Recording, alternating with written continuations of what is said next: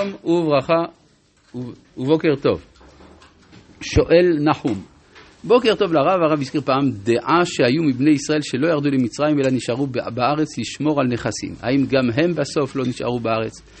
מאחר ולא היו גרים ולא השתתפו בשעבוד, תודה ויום טוב. לא, הם כנראה נשארו שם ונשארו באזור שכם ואולי אפילו עזרו לכיבוש. וזה מתאים לתורת הקבלה שאומרת שנקודת ציון שתמיד נמצאת בזמן הגלות היא מכוונת כנגד מידת היסוד שהיא מידתו של אפרים. שואל אייל, שלום הרב, הרב אמר שמשה אמר לפרעה שבני ישראל יחזרו למצרים ולאחר עבודתם הדתית במדבר. היכן? בתודה לרב ולצוות. אה, זה לא נאמר במפורש, אתה צודק, אבל יש מה שנקרא אה, המשתמע, הרי מה אמר אה, פרעה? רק הרחק לא תרחיקו ללכת, העתירו בעדי. זה ראינו כמו בפרשה מאוחרת יותר, אבל זה די משתמע בצורה הזאת. אבל ברור שהוא לא מוסר לפרעה שהם רוצים לחזור לארץ כנען, זה ברור. מידת היסוד זה אפרים או יוסף? זה, זה גם אפרים, זה גם בנימין וזה גם מנשה. אבל יש כמה מדרגות בתוך מידת היסוד. כן? עכשיו, אנחנו ממשיכים בפרק ד', פסוק א', ויען משה, ויאמר, והן לא יאמינו לי, ולא ישמעו בקולי. הביטוי והן יכול להיות במובן של הם, אז זה לשון נקבה אה, של גוף שלישי, יכול להיות והן במובן של הנה, אכן, כך, והן לא יאמינו לי ולא ישמעו בקולי. לא, לפעמים מחליפים מ' בנון, יש דבר כזה, כן, זה, או נון במ', זה, זה בשני הכיוונים יש. והן לא יאמינו לי ולא, כי אם זה היה נשים, היה צריך להיות תאמנה. כן. והן לא יאמינו לי ולא ישמעו בקולי, כי יאמרו לא נראה אליך השם. נשאלת השאלה, מה זאת אומרת שהם לא יאמינו לי? הנציב מוולוז'ין התבונן הרבה בפסוק הזה, במספר מקומות, גם בפירושו לתורה, אבל גם במסגרות אחרות, שהרי ברור שהם האמינו שהם יגאלו. הם הרי לזה ציפו, הייתה להם הבטחה מאבותיהם, אלא לא יאמינו לי, במובן של לא נראה אליך, לא יכול להיות שהקדוש ברוך הוא שלח אחד כמוך להיות המנהיג. שהרי היה נראה לבוש כמצרי ודיבורו מצרי ומלומד בחיצ... ב... בחוכמות חיצוניות ובלשונות הגויים. כך אומר הנציב. ולכן הוא אומר, היה נראה שלא מתאים שהוא יהיה מי שיוציא אל הפועל את ההבטחה של אלוהי אבותם שהם לומדים עליה בבית המדרש, אפשר לומר, שלהם, ואומרו לו נראה אליך השם. ויאמר אליו השם. אז כדי להסביר לו למה קודם, יכול להיות שגם משה חושב שהוא באמת הוא לא מתאים. ויאמר השם אל משה, ויאמר אליו השם, מה זה בידיך? ויאמר מטה, ויאמר אשליכהו ארצה. וישליכהו ארצה. מה כתוב אה, זה שיש פה כתיב, כן, מה זה, בש, אה, אנחנו קוראים כאילו זה שתי מילים, אבל בכתוב זה מילה אחת, מה זה. מה זה, מלשון להזות.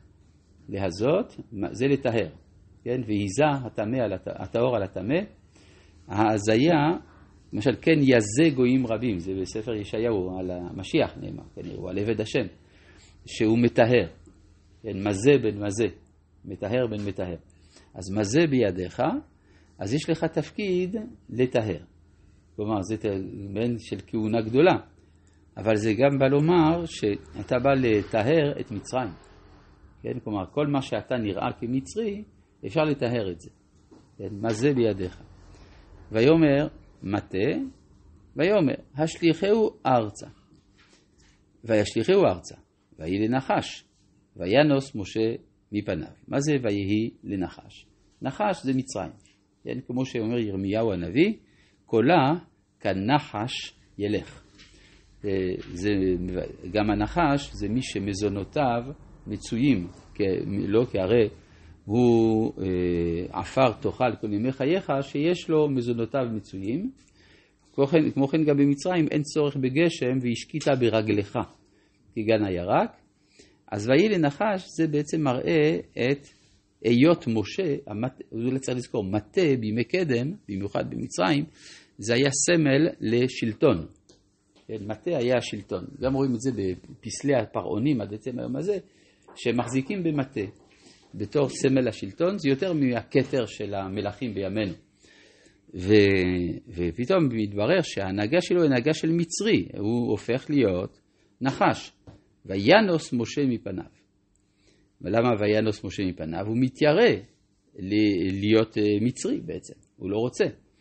ויאמר השם אל משה, שלח ידיך, ואחוז בזנבו, וישלח ידו, ויחזק בו. ויהי למטה בכפו. אז פה צריך להבין מה קרה בדיוק. אם הוא אוחז בזנבו, ואז הוא הופך למטה, אז צריך להיות שהמטה הוא נאחז מלמטה בידו של משה, והוא עולה כלפי מעלה, נכון? מעל לידו. ואילו כאן, ויהי למטה בכפו, שכביכול הזנב הפך להיות ראש המטה. ואז יוצא שהמטה היה מלמטה. מה זה בא לומר? שמי שלמטה הופך להיות למעלה. זה בעצם המעמד של משה, שהוא חושב שהוא בתחתית הסולם החברתי של ישראל, אומר לו הקדוש ברוך הוא, וחזק בו ויהי למטה בכפו אדרבה. מי שעושה את עצמו קטן הוא הגדול. כמו שהזוהר אומר, דאי הוא זעיר, אי הוא רב. מי שקטן הוא הגדול. למען יאמינו, ואז בעצם זה יסביר להם, כשהם יראו את המופת הזה, שנהיה למטה בכפו, למען יאמינו כי נראה אליך. השם, כן, הוא חושב את עצמו לא ראוי. וגם בני, בני ישראל עשויים לחשוב שהוא לא ראוי. כי הוא בא ממקום אחר, הוא בא מחוץ לאומה. אז לכן הוא מראה להם שדווקא מי שבא מהמעמד היותר נמוך מבחינתם, הוא זה שבסוף הופך להיות בראש. כן? וכי כי נראה אליך השם, אלוהי אבותם, אלוהי אברהם, אלוהי יצחק ואלוהי יעקב. ואומר השם לא עוד. עכשיו יש פה דבר נוסף שקורה, קצת משונה.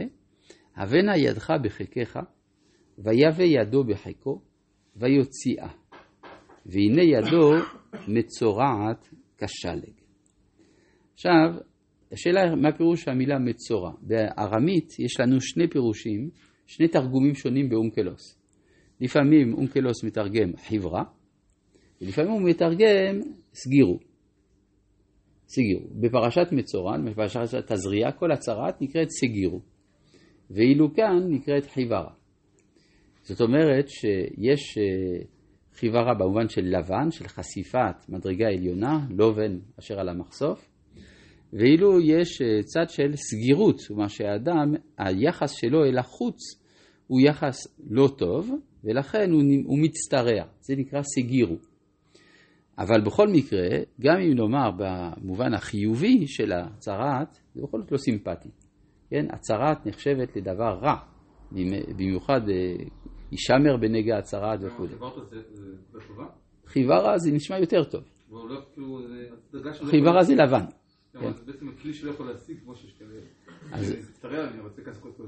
כן, זהו, אז בדרך כלל, מה, זה מצטרע? זה מי שרוצה להגיע למדרגה שהיא לא, לא המדרגה שלו. למשל, עוזיהו מלך יהודה, שרצה להיות כהן גדול, אז הוא נהיה מצורע. זה פחות, או לשון הרע, שאדם משתמש בלשון שלו כלפי זולתו שלא כראוי, לכן הוא מצטרע. מה אתה אומר? אז זהו, אבל יש פה בכל זאת צד של עונש, וזה, אה, הרב אשכנזי אמר לי שהוא הצטרע בגלל שהוא אמר, והן לא יאמינו לי. לא צריך להאמין למשה. צריך להאמין לקדוש ברוך הוא. אז זה צריך להגיד, והן לא יאמינו, נקודה. אבל לא יאמינו לי, אז משה מעמיד את עצמו במדרגה שעלולה להתפרש כהעלאה, ולכן נצטרע.